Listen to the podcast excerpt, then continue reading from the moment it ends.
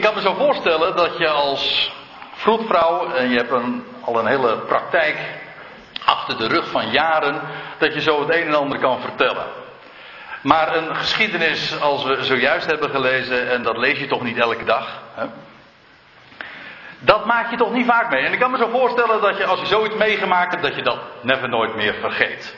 Zo'n wonderlijke geboortegeschiedenis. Van een tweeling. Dat is op zich natuurlijk al bijzonder als je een tweeling krijgt.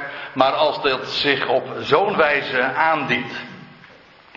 Ik wil vanmorgen daar eens uw aandacht voor vragen. Kijk, je kunt natuurlijk zeggen: het is een mooi verhaal. Maar het is veel meer. En ik weet zeker dat u dat niet verbaast. Daar moet natuurlijk veel meer achter zitten. Een wonderlijke geboorte is geen reden op zich of voldoende reden om zoiets op te laten tekenen in de Bijbel. Daar zit een diepere zin in of achter. Een wonder. In elk geval, Genesis 38, daar wil ik vanmorgen eens wat dieper op ingaan. Met name dus die geboortegeschiedenis. Maar dan moet ik toch ook wat vertellen over dat hoofdstuk en ook over de plaats van dat hoofdstuk in het boek Genesis zelf. In het boek Genesis daar vinden we dus diverse geschiedenissen van de aartsvaders. En vanaf van hoofdstuk 37 tot aan het einde van dat boek, hoofdstuk 50, vinden we de geschiedenis van Jozef. Hoe hij ooit bij zijn vader thuis als de geliefde zoon die veelkleurige rok kreeg. Je weet wel, die coat of many colors, waar ooit zo'n artieste over zong. En hoe dat de jaloezie ook opriep van de broers en hoe ze hem uiteindelijk verkocht hebben. Dat vinden we allemaal vermeld in Genesis 37. En hoe hij uiteindelijk op de troon in Egypte terechtkomt. In Genesis 37 vinden we dan de geschiedenis dat Jozef eh, thuis is en dat hij verkocht wordt. En dan vanaf hoofdstuk 39 gaat de geschiedenis verder van Jozef. Dat hij als gevangene in Egypte aankomt in het huis van Potifar. En dan komt hij in het andere huis van Potifar. Dat wil zeggen de gevangenis. Dat was ook een huis van Potifar. En dan uiteindelijk na twee jaren. Nadat hij daar in de gevangenis heeft gezeten en dromen heeft uitgelegd, verborgenheden heeft verklaard, komt hij op de troon. En u weet hoe de afloop was. Jozef ontmoet zijn broers weer en hij blijkt hun redder te zijn. Juist doordat zij hem hebben verkocht. Een wonderlijke gang van zaken. Maar dan doet dat hoofdstuk 38 toch wel heel vreemd aan. Want hoofdstuk 38 is helemaal niet de geschiedenis van Jozef. Dat is een intermezzo. Dat is een onderbreking in de geschiedenis van Jozef. Ik zei u, hoofdstuk 37 tot 50 gaat over Jozef. Maar dat hoofdstuk 38 gaat over Juda, de broer van Jozef. De broer die zo'n kwalijke rol had gespeeld, juist in het voorgaande hoofdstuk.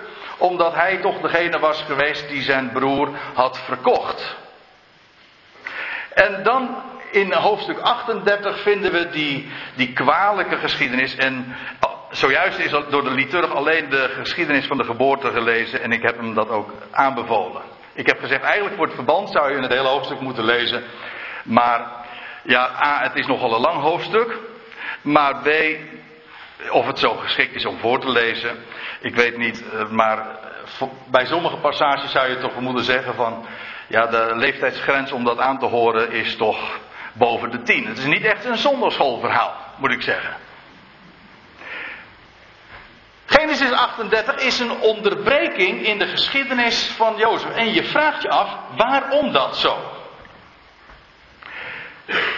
En als je de geschiedenis gewoon leest, zoals het zich aan ons aandient en voordoet, dan begrijp je het ook niet. En ik zal u vertellen dat je het pas gaat begrijpen Wanneer je het tegen het licht houdt. Wanneer je het gaat begrijpen in het grote, in grote verhaal van de Bijbel. En tegen het licht gaat zien van hem die zou komen. Namelijk de Messias en inmiddels gekomen is. Anders gezegd, Jozef, de geschiedenis van Jozef valt uiteen, juist door die onderbreking in twee delen. Het eerste deel, Genesis 37, waar we beschreven dus vinden dat Jozef verkocht wordt door zijn broers naar Egypte. En dan vanaf 39 tot hoofdstuk 50 vinden we nou, het vervolg van zijn geschiedenis en hoe hij uiteindelijk op de troon komt en zijn broers redt van de hongersdood. En daartussenin dat hoofdstuk van Judas, Judas, Judas misstap. Het is een beetje een woordspeling, maar in wezen is het veel meer, want Juda en Judas blijkt nog uh, in wezen dezelfde naam te zijn. Judas komt van Juda. En het is zelfs nog sterker, ook de naam Jood komt daarvan af, is daarvan afgeleid. De, de, de, term Jood, in het Nederlands klinkt dat niet meer zo sterk door, maar als je het terugbrengt naar, naar zijn Hebreeuwse wortels, dan is het woordje Jood exact hetzelfde woord als het woord voor Juda. Een Jood is iemand van Juda, van de twee stammen. Nou, als ik het zo zeg, dan.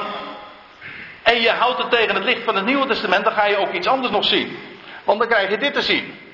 Kijk, je zag dit, Jozef, aan de ene kant, dus hij wordt verkocht door zijn broers. En hij komt uiteindelijk op de troon terecht. Of laat ik het anders zeggen, Jozef, hij wordt verkocht door zijn broers.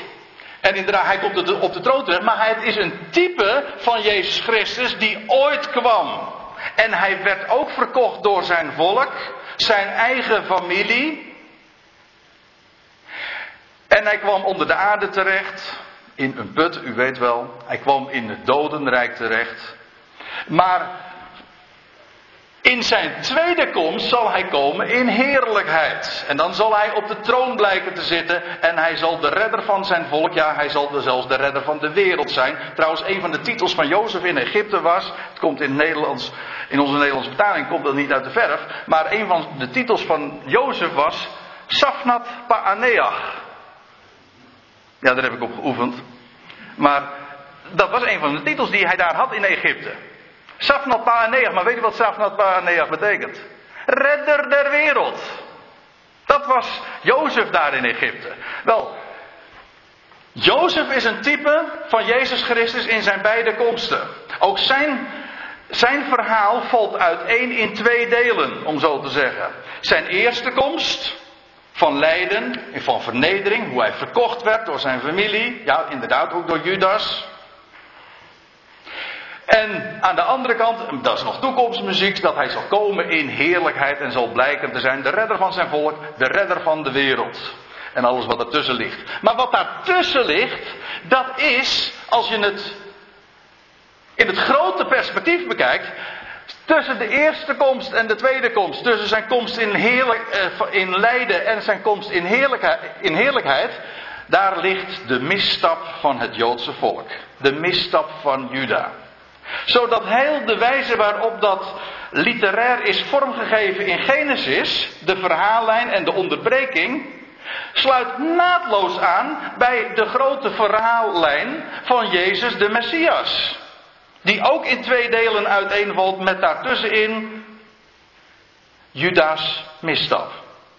Oftewel de misstap van Israël, de val van Israël. Nou gaan we wat meer inzoomen op dat Genesis 38 zelf. Want het is een verhaal in een verhaal. In een verhaal. Ja, echt. Want het zit vol met dubbele bodems. Want wat je dan ziet, is dat, deze, dat Genesis 38 gaat over een onderbreking. Het is een onderbreking op zich al in de geschiedenis van Jozef. Maar waar de geschiedenis zelf vervolgens ook weer over gaat, gaat ook over een onderbreking. En exact dezelfde. Zodat als je de draad kwijtraakt met het ene, dan vind je het eigenlijk altijd nog wel. Je, je, het kan eigenlijk niet missen, dat bedoel ik te zeggen. Je komt er altijd, je komt er altijd weer op uit. Genesis 38, dat is de geschiedenis van Juda die zich elders vestigt. En ik zeg de dingen nu een beetje langzaam, maar ik hoop ook dat u uh, meeluistert, maar dan ook meteen luistert en, en probeert aan te voelen wat de dubbele bodem is. Juda die zich elders vestigt. Nou, in elk geval, uh, hij krijgt, hij trouwt een heidense vrouw. Hij komt daar onder de heidenen terecht. Hij krijgt drie kinderen. Om te beginnen met R, zo heet hij. Dan krijg je zijn tweede zoon, Onan. Dan krijg je de derde zoon, Sela. En dan lees je van R dat hij trouwt met Tamar. En dat is de vrouw die vervolgens de hoofdrol, eigenlijk de glansrol in dit hoofdstuk speelt. Niet Juda, maar wel Tamar. R trouwt met Tamar, maar R die deugde niet. Ik zeg het nu even met mijn eigen woorden, maar je leest dat hij kwaad deed wat in, uh, hij deed wat kwaad is in de ogen des Heren. Wat hij deed weet ik niet, staat ook niet vermeld. Hij deed wat kwaad is in de ogen des Heren. Hij stierf. Dan, zo ging dat, dat was het gebruik in die dagen, het, uh, het volgens het heersend recht ook in het uh, oosten en in, in de Bijbel vind je dat later ook beschreven. Dan neemt zijn broer uh, Onan, die trouwde vervolgens met Tamar, dat noemen ze het zwagershuwelijk. Ik ga nou niet uitleggen wat het is, maar dan trouwt Onan vervolgens met Tamar, want uh, er was kinderloos gestorven. Onan zou nu vervolgens voor nageslacht moeten zorgen. Maar Onan deed dat niet. Ja, ik kan nou gaan vertellen waarom dat allemaal niet goed ging. Hij heeft nog een hele kwalijke reputatie aan overgehouden, overigens terecht. Maar wat hij deed, ja, dat is echt iets totaal anders dan wat men ervan gemaakt wordt. Hebben we onder ons gezegd. Je leest in de Bijbel. Uh, ja, het, is toch, het wordt allemaal niet uitgezonden voor de televisie, dus ik kan het toch wel zeggen. Uh, je leest van Onan dat hij, hij verspilde zijn zaad op de grond. En daaraan heeft men, daaruit heeft men afgeleid, ja, dat was, uh, hij maakte zich schuldig. Dat is, heeft de kerk ervan gemaakt. Hij maakte zich schuldig aan zelfbevrediging en daarom ging hij dood. Eeuwenlang is daar ook een enorm schuldgevoel door de kerk aan jonge mensen, met name aangepraat en uh, angst voor het lijf en angst voor de seksualiteit is er door aangesproken. Maar ik zal u vertellen, en het is namelijk ook zo dat uh, Onan zou zich schuldig maken aan onanie. U kent die term, het is een beetje een versleten woord, ik geloof in onbruik geraakt. Maar in elk geval, vroeger was dat de term voor zelfbevrediging, maar Onan maakte zich daar helemaal niet schuldig aan. Wat Onan deed was inderdaad kwaad, maar dat was omdat hij geen nageslacht wilde ver verwekken voor zijn overleden broer. Dat is wat hij deed. Nou, ik zal daar verder maar niet al te veel in details treden, maar het moet toch even gezegd worden, want die Onan en wat daar allemaal in opgehangen is, dat is volstrekt een onrecht. En dat heeft ook te maken met een hele verkeerde visie die men altijd heeft uh, gepredikt in de kerkgeschiedenis. En Paulus had het al voorzegd. Waarbij men ook de, het genot van spijzen in het algemeen en lichamelijke lust, maar ook voor seksualiteit, dat was allemaal maar vies en onrein en een noodzakelijk, misschien noodzakelijk, maar in ieder geval een kwaad, dat deugde niet. En Paulus zegt, het zijn leringen van demonen. Weet wat het is. Dat is wat men ervan gemaakt heeft. Nou, in elk geval, dat, dat moet er nou gezegd worden van deze Onan, want laten we eventjes uh, het verhaal verder uh, vertellen. Deze Onan deed inderdaad dus wat kwaad is in de ogen des heren. Ook hij sterft. Dan zou je zeggen, nou dan is daar nog een zoon, Sela. En die zal dan wel gegeven worden, maar Juda zag dat niet zo zitten. En als ik, als ik daar zo eventjes over doordenk, begrijp ik dat ook wel. Dan denk ik van, nou ja, als nou mijn eerste zoon overlijdt, die trouwt met Tamar, dan vervolgens trouwt mijn tweede zoon met Tamar. Moet ik nou mijn derde, die overlijdt ook, moet ik nou mijn derde zoon ook gaan geven aan deze Tamar? Laat ik dat nou maar niet doen. Hij had nog een goede smoes ook, want hij was nog te jong. Dat bleek een smoes te zijn, want toen hij eenmaal wel de huwbare leeftijd had, toen gaf, ze, gaf Juda hem nog niet aan Tamar. Terwijl dat wel uh, het recht was, dat wil zeggen, zij, Tamar had recht eigenlijk nu op Sela. Zodat Sela inderdaad voor nageslacht zou zorgen. Juda doet dat niet. En wat je dan leest, is dat Tamar, die, die bedenkt iets heel listigs. Ze verkleedt zich, ze vermomt zich. En bij gelegenheid, bij een feestelijke gelegenheid, uh, biedt ze zich aan als hoer, als prostituee aan Juda. En Juda valt voor haar. En Juda, die heeft inderdaad seks met haar. Ja, ik zeg, het, ik zeg het allemaal veel netter dan dat het. Of netter, ik zeg het allemaal heel erg. Uh, zoals. Da, hoe zeg je dat nou? Nou, nou, heel eigen tijd. Maar ik bedoel, ik bedoel gewoon te zeggen dat uh, het in de Bijbel op een wijze vermeld wordt. Soms uh, in ja, geuren en kleuren, details worden verteld. Dat, dat uh, bespaar ik u. Maar het verhaal moet duidelijk zijn. Je leest van Juda had gemeenschap met deze Tamar. En Tamar werd zwanger. En na verloop van een aantal maanden krijgt Juda te horen dat Tamar zwanger is. Hij wist helemaal niet dat hij met Tamar inderdaad gemeenschap gehad had.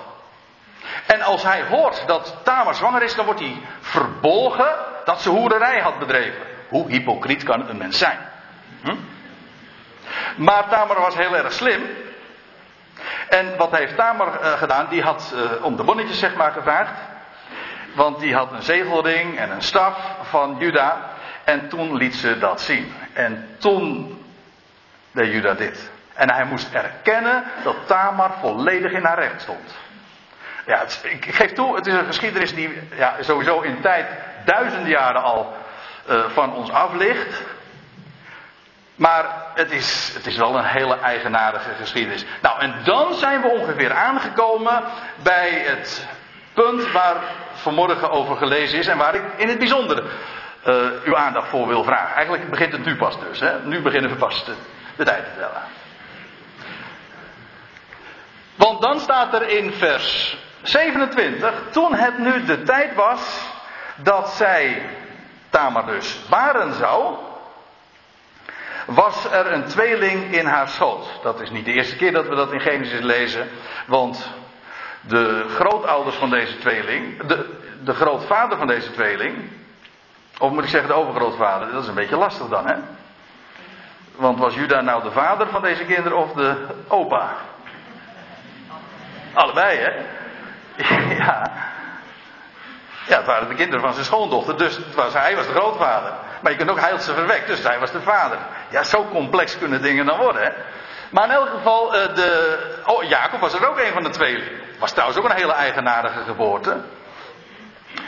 Maar goed, uh, het was tijd dat ze baden zou. Er was een tweeling en haar schoot. En dan lees je in vers 28. En toen, ze, toen zij baden, stak er één zijn hand uit. En de vroedvrouw, heel slim als zij was en voortvarend, nam die, nam die hand dus, bond om zijn hand een scharlaken draad en zeide: Deze is de eerste gekomen. Ja, u moet weten, dat is namelijk van belang. Wie de eerste is. In de Bijbel, en met name in het boek Genesis, speelt dat hele thema van het eerstgeboorterecht een gigantische belangrijke rol. Wie is het eerst gekomen? Wie heeft het eerstgeboorterecht? Een van de meest eigenaardige fenomenen, en dat is ik zou gaan zeggen, standaard in het boek Genesis. De eerste krijgt nooit het eerste geboorterecht. Het eerste geboorterecht gaat altijd naar de tweede. Op, een, op soms de meest wonderlijke manieren. Maar deze vrouw, deze vroedvrouw, die moet weten. Ja, ze zegt, als straks die tweeling er is, dan, zie, dan ze, zou ze het verschil niet meer zien. Dus nu had hij zijn hand uitgestoken. Dus zij bindt een scharlakenkoord om zijn hand zodat ze wist, deze is de eerste. Deze is het eerst gekomen. Een scharlakenkoord komen we trouwens later ook nog in de Bijbel tegen. Hè? Scharlaken komen we trouwens sowieso heel vaak tegen. En scharlaken is een hele bijzondere stof. Over het algemeen echt een koninklijke stof. Juist in verband met koningschap vindt, uh, wordt heel vaak melding gemaakt met, van scharlaken. De wijze waarop scharlaken is gemaakt is ook een heel mooi verhaal. Daar, daar zou je een studie op zich van kunnen maken hoor. Dat is echt zo'n bijzonder verhaal. Maar laten we ons eventjes vanmorgen beperken tot één ding. En dat scharlakenkoord. Want waar kennen we dat van? Hmm. Ja, van, uh, van Rahab. Nou, ik, ik zou wel zeggen, daar is het veel bekender nog door geworden. Dat scharlakenkoord van Rahab. Die de verspieders weer uitliet. Ja, niet via de deur, maar via dat scharlakenkoord. En dat scharlakenkoord was, werd haar redding. Want juist daardoor, ik ga er even vanuit dat u die geschiedenis kent. Juist door dat scharlakenkoord wist Israël later, toen ze het land introk en toen ze zoveel keren om Jericho heen waren gelopen, bij de dertiende keer dat toen dat huis van op allen die daar waren zouden gered worden. En dat scharlakenkoord was eigenlijk het embleem van de verlossing. Dat bloedrode koord, want scharlakenrood is bloedrood. Een embleem van redding. Hou hem even vast. We gaan even nog verder.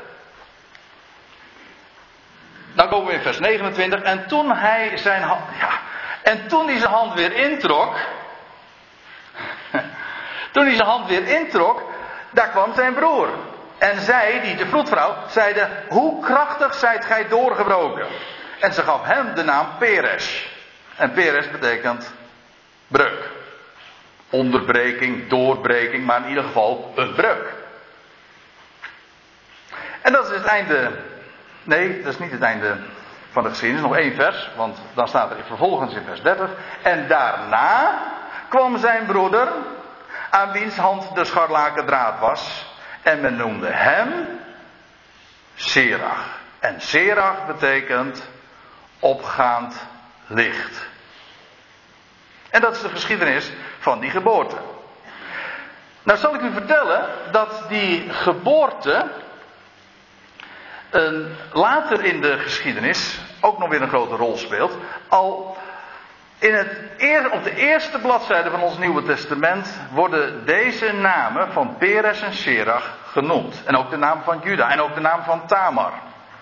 We vinden daar vier vrouwen in Matthäus 1 vermeld in dat, dat register van, van kroonpretendenten, want het is niet echt een geslachtsregister, maar het is meer een register eh, van, van een koningslijst, zeg maar. Een register van allemaal mensen die aanspraak zouden kunnen maken op de troon. Allemaal mensen die voortkomen uit Juda. En u weet, Juda is de koningsstam. Juda, aan Juda zou de scepter worden toevertrouwd, lezen we in Genesis 49. Juda is de stam ja, van de koning. Vandaar ook dat het embleem van Juda de leeuw is, de koning der dieren. De leeuw uit de stam van Juda, zo heet de Messias in het boek Openbaring. Altijd weer vinden we dat, dat terug. Wel, maar de eerste teller uit die stam van Juda, dat is Peres. Of dat zijn dus Peres en Zerach. En ze worden vermeld in, in Matthäus 1. Waarom? Wel omdat de Heer Jezus zoveel eeuwen later de nakomeling blijkt te zijn van deze Juda en van deze meer speciaal Peres. Want daar staat er in Matthäus 1, Abraham verwekte Isaac en Isaac verwekte Jacob. Jacob verwekte Juda en zijn broeders. En Juda verwekte Peres en Zerach bij Tamar. Wordt er dan nog zo fijntjes bij vermeld. En waarmee eigenlijk de, de oplettende lezer meteen ook weer in herinnering geroepen wordt dat die hele onverkwikkelijke geschiedenis, die hypocrisie en die hele toestand die we beschreven vinden in Genesis 38, dat wordt als bekend verondersteld. Maar het blijkt Ondanks die zonde blijkt het juist zo'n belangrijke rol te spelen in de, uiteindelijk in de hele verhaallijn, in de hele geschiedenis van het Nieuwe Testament. God is het die de zonde wit wast. Dat moet meteen, doet me meteen weer denken aan, aan een andere passage in het boekje Zaja, waar we ook lezen over scharlaken. Want ik zei u net, de scharlaken is een beeld van verlossing, maar scharlaken is ook een beeld van zonde. Al waren, Jesaja 1, ik geloof dat het vers 18 is. Al waren uw zonden als scharlaken. Ik zal ze maken als witte wol. U zegt, dat vind ik een beetje ingewikkeld hoor.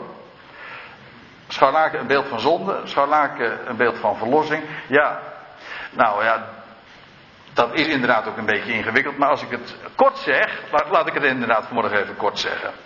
In wezen de verlossing vindt plaats door de grootste zonde. God doet de zonde teniet door de zonde. Dat is zo een, als ik het zo mag zeggen, goddelijke truc om dat zo te doen. De zonde wordt er niet gedaan door de grootste zonde die ooit in de wereldgeschiedenis begaan is kruis van Golgotha. Zo doet God de zonde teniet. Zodat de verlossing inderdaad plaatsvindt door zonde. Maar juist zo wordt de zonde opgeheven. Het lam gods dat de zonde der wereld wegneemt, dat neemt het weg juist doordat hij aan een kruis genageld werd. Juist doordat de wereld dat grote kwaad verrichtte. Maar dat blijkt uiteindelijk een offer te zijn.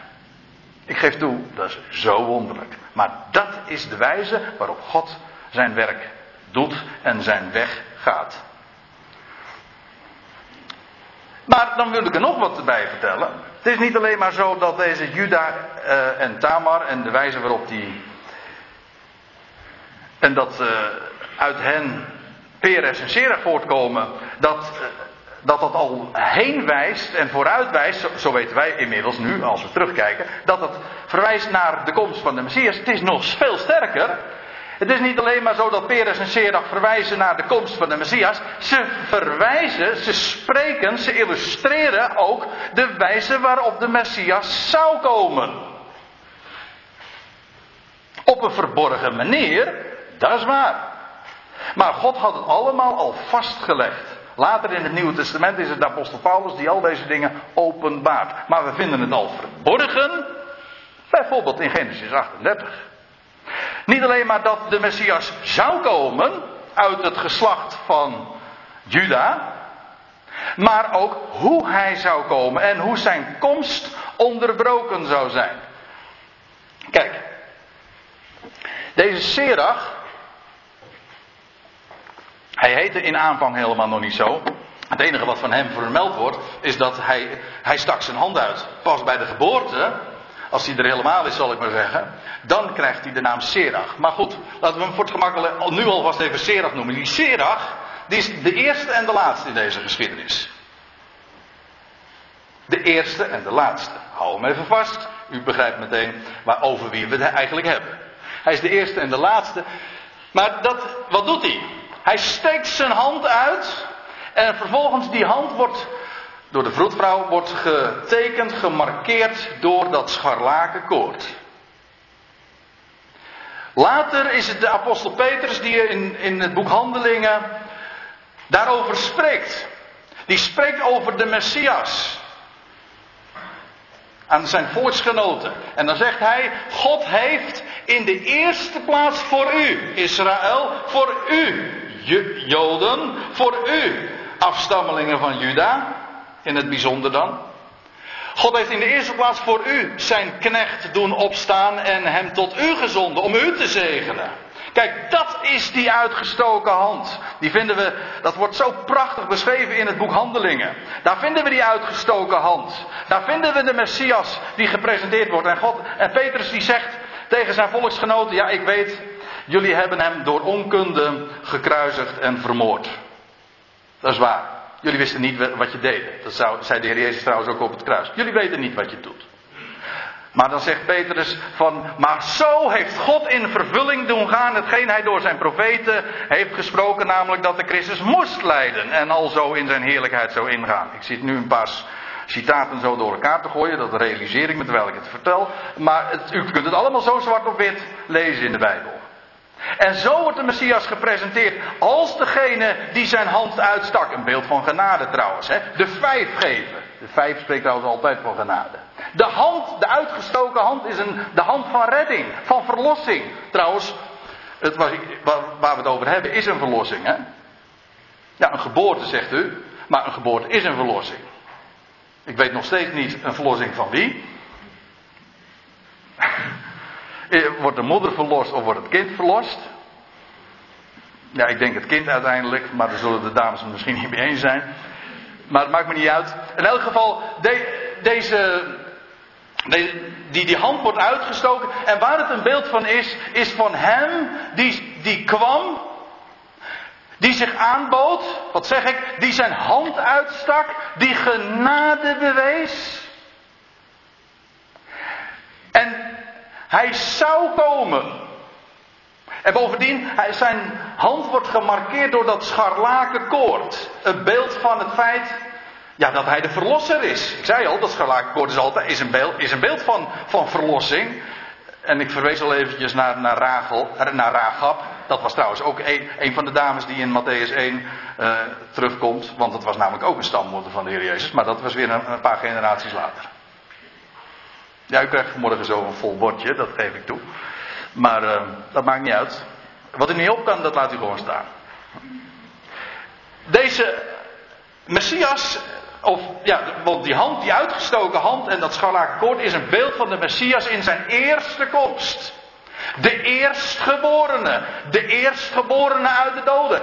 Degene die juist op grond van zijn opstanding uit de doden het eerstgeboorterecht heeft. Dat wil zeggen, de erfenis kan claimen, want daar komt het op neer. Dat is wat hij, wat hij is, de, de, Messias. En zo wordt hij ook gepresenteerd en verkondigd in het boek Handelingen. De verlosser, degene die gestorven is, dat scharlakenkoord. De eerstgeborene uit de doden. Degene die gepredikt wordt. Hij zou komen. En het koninkrijk zou in die dagen ook manifest, openbaar worden. Maar het gebeurde niet. Het zou gebeuren, ja, het, het, het zal ook wel gebeuren, maar er vindt iets plaats. Een onderbreking. Maar even, die, die onderbreking, daar kom ik nog op terug. Maar nu eventjes hoe die Serach uiteindelijk dan ter wereld komt. Ik zei al, Serach betekent het opgaande licht. Weet u dat we diezelfde, diezelfde term, datzelfde Hebreeuwse woord, komen we ook later in de Bijbel nog tegen. En is, blijkt dus ook een grote rol te spelen in messiaanse profetieën, als het opgaande licht. Ik heb het, mooiste voorbeeld, tenminste in mijn ogen, vindt u in Jezaja 60. Daar staat, daar wordt tegen Israël gezegd, sta op. Dat is trouwens ook een beeld van nieuw leven. Opstanding. Sta, nou ja, ik, ik, moet dan ook denken aan wat, Paulus schrijft, bijvoorbeeld in Efeze 5. Ontwaakt gij die slaapt en sta op uit de doden en Christus zal over u lichten. Ik, ik kan me niet aan de indruk onttrekken dat toen Paulus deze woorden optekende ook dacht aan deze passage. Elf, afijn. Jezaja 60, sta op, wordt er tegen Israël gezegd, word verlicht, want uw licht komt en de heerlijkheid des Heren gaat over u op. Serach staat daar in het Hebreeuws. En dan nog een vers later, of twee vers later. Volkeren zullen opgaan naar uw licht. En koningen naar uw stralende opgang. Serach.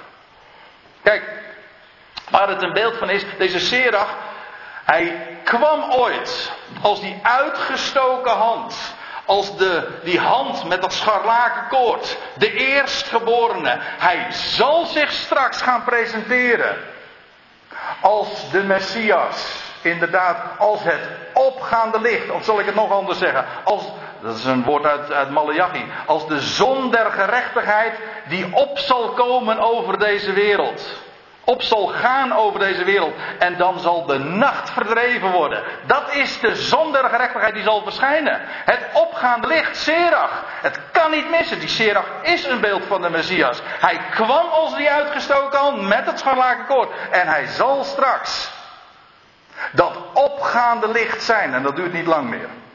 Zelfs in het boek Genesis 38 vind ik daar al een, een, eh, een heenwijzing naar. Ik aarzel om het te noemen, want dan wordt het nog meer. Maar goed, u hebt, eh, u tenslotte verrekening, ook vakantie, dus u kan nog die dingen allemaal nog eens herkouwen. Ik, ik noem het toch even. Ik kan het niet laten. Bij een andere gelegenheid, de vorige keer toen ik hier sprak, toen heb ik gesproken over die twee dagen in Samaria. Ik weet het nog goed, misschien sommigen van u ook nog wel. Die twee dagen in Samaria. En, en toen heb ik u verteld dat deze hele tussenperiode, een, een, periode is van twee dagen van duizend jaar. En zelfs dat zie je, daarvan zie je een heenwijzing in het boek Genesis. Twee, Tamar trouwt twee keer een man. En twee keer is er sprake van dood. Maar bij de derde keer, u weet het hè, de derde keer is scheepsrecht. Ja, en dan vindt het plaats. Bij de derde. Dat is altijd zo in de Bijbel. Altijd. Bij de derde keer krijg je de grote ommekeer. Hoe dan ook, die Serach spreekt van de Messias, van de onderbroken komst van de Messias. Want daar moet ik dan vervolgens ook nog wat van zeggen. Kijk, aan de ene kant heb je dus Serach, die zich aandient, maar die zich vervolgens terugtrekt. En die uiteindelijk komt als het opgaande licht. Maar daartussenin heb je Peres. De breuk. En wij zitten in die. Ja, ja, wij zitten in die breuk. Je zou ook zeggen, wij liggen in die breuk, maar dat is weer wat anders. Hè? In een breuk liggen. Nou ja, ik moet zeggen, ik, als je het geheim begrijpt, dan, dan heb ik er wel schik om hoor, moet ik erbij zeggen. Over de wijze hoe God handelt. Afijn, die, die, die Peres, dat is de onderbreking in de komst van. Dat is eigenlijk wat het is. Hij wordt Peres genoemd, waarom? Omdat hij ja, het hele verhaal doorbreekt. En een, een breuk is in de geschiedenis. Maar waar hebben we het over? We hebben het over de komst van de Messias. In twee delen en daartussen heb je die breuk. En dat spreekt van de tegenwoordige tijd. Want wat is er gebeurd? En dat is het grote thema van de bediening van de apostel Paulus. Zodat je via Genesis 38 toch bij Paulus terechtkomt hoor. Dat kan niet missen. Die verklaart het geheim. Waarbij Paulus ook in zijn brieven naar voren brengt dat Israël gevallen is. Door hun misstap, het misstap van Juda, is inderdaad het koninkrijk geweken. Ja. We lezen in Romeinen 11, vers, vers 11. Door hun val, door de val van Juda, om zo te zeggen, door de misstap van Juda, is het heil tot de heidenen gekomen. Het koninkrijk zou openbaar worden. Serach, dat opgaande licht, die zou verschijnen. Maar hij wacht. Er komt zomaar onverwachts een onderbreking. En Paulus zegt, ja, dat heeft te maken met Israëls val. Met Israëls ongeloof. Met Israëls misstap. Maar ik moet er wel meteen iets anders bij zeggen, voordat we eigenwijs en hoogmoedig zouden worden. Ik gebruik nu woorden die Paulus zelf trouwens ook in dit verband gebruikt. Hij zegt, zij zijn vijanden van het evangelie. Waarom? Om uwentwil, natieën. Dus als wij zeggen dat daar een onderbreking is gekomen, dat de hand zich heeft teruggetrokken, dat de Messias als het ware, die zich in die dagen had aangediend en het Messiaanse koninkrijk zou openbaar geworden zijn, het is niet gebeurd. Het was wel de verwachting, maar het is niet gebeurd. Er kwam een onderbreking in de komst van de Messias. En tot op de dag van vandaag is dat eigenlijk het grote probleem, ook voor veel mensen, ook van veel christenen. Maar waarom Joden ook niet de, de Jezus als Messias kunnen accepteren? Want ze zeggen, ja, jullie zeggen dat de Messias is gekomen, waar is dat koninkrijk dan? Dat hij zou meenemen? Nou, dan, dan, kun, je dan kun je verwijzen naar Peres en Zerach bijvoorbeeld. Nou, maar hopen dat ze het snappen, maar goed. Ik denk maar zo, God zal te zijn tijd zelf wel de bedekking wegnemen. Kijk, waar het om gaat, dat is dat inderdaad Israël heeft. Dat was ongelovig, maar wij, wij weten waarom. Omdat God zo'n geweldig groot geheim wilde openbaren. Dat was al van Ionen her in zijn hart om dat te doen.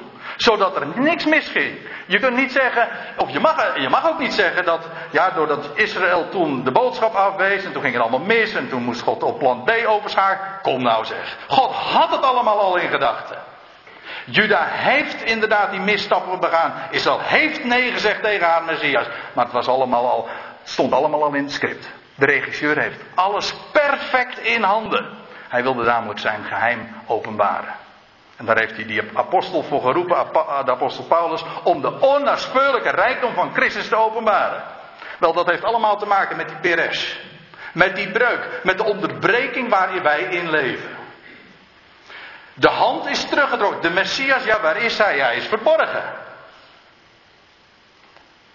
Er is een kink in de kabel gekomen, zou je zeggen. Jawel, maar het is allemaal volgens plan. En dan lees je nog in vers 25 dat Paulus dat zegt ja, van, van Romeinen 11. Hij zegt ja, juist naar aanleiding van dat Joodse nee en naar aanleiding van de, de misstap van Israël en het ongeloof, dan zegt hij van ja, het is een geheimenis. Dat juist aan hem geopenbaard was. En hij zegt, dit geheimenis, dat die, die verharding die over Israël gekomen is, de gedeeltelijke verharding, dat heeft een totdat. Een totdat. Het is, het is slechts een, een onderbreking in de geschiedenis, maar die volledig in overeenstemming is met Gods plan. Maar het heeft een totdat. Want En nou zijn we weer terug bij waar, waar ik al eerder over sprak. Serach, die uitgestoken hand, die zich teruggetrokken had. Hij zal tenslotte zich bekendmaken. Volledig zich openbaren. Dat wat zich ooit aandiende alleen als die uitgestoken hand met het scharlakenkoord, hij zal zich straks volkomen openbaren. En dan zal hij blijken te zijn het opgaande licht, de zon der gerechtigheid, degene die de duisternis volledig zal verdrijven. En ik stel voor dat we daar dan niet over gaan zingen. Spoedig zal komen de hemelse Heer, dat is die Serach, hè? Een komst die de wereld verbaast. Hé, hey, daar heb je hem dan toch. Tijd om te dromen vind je niet meer en wat verder volgt.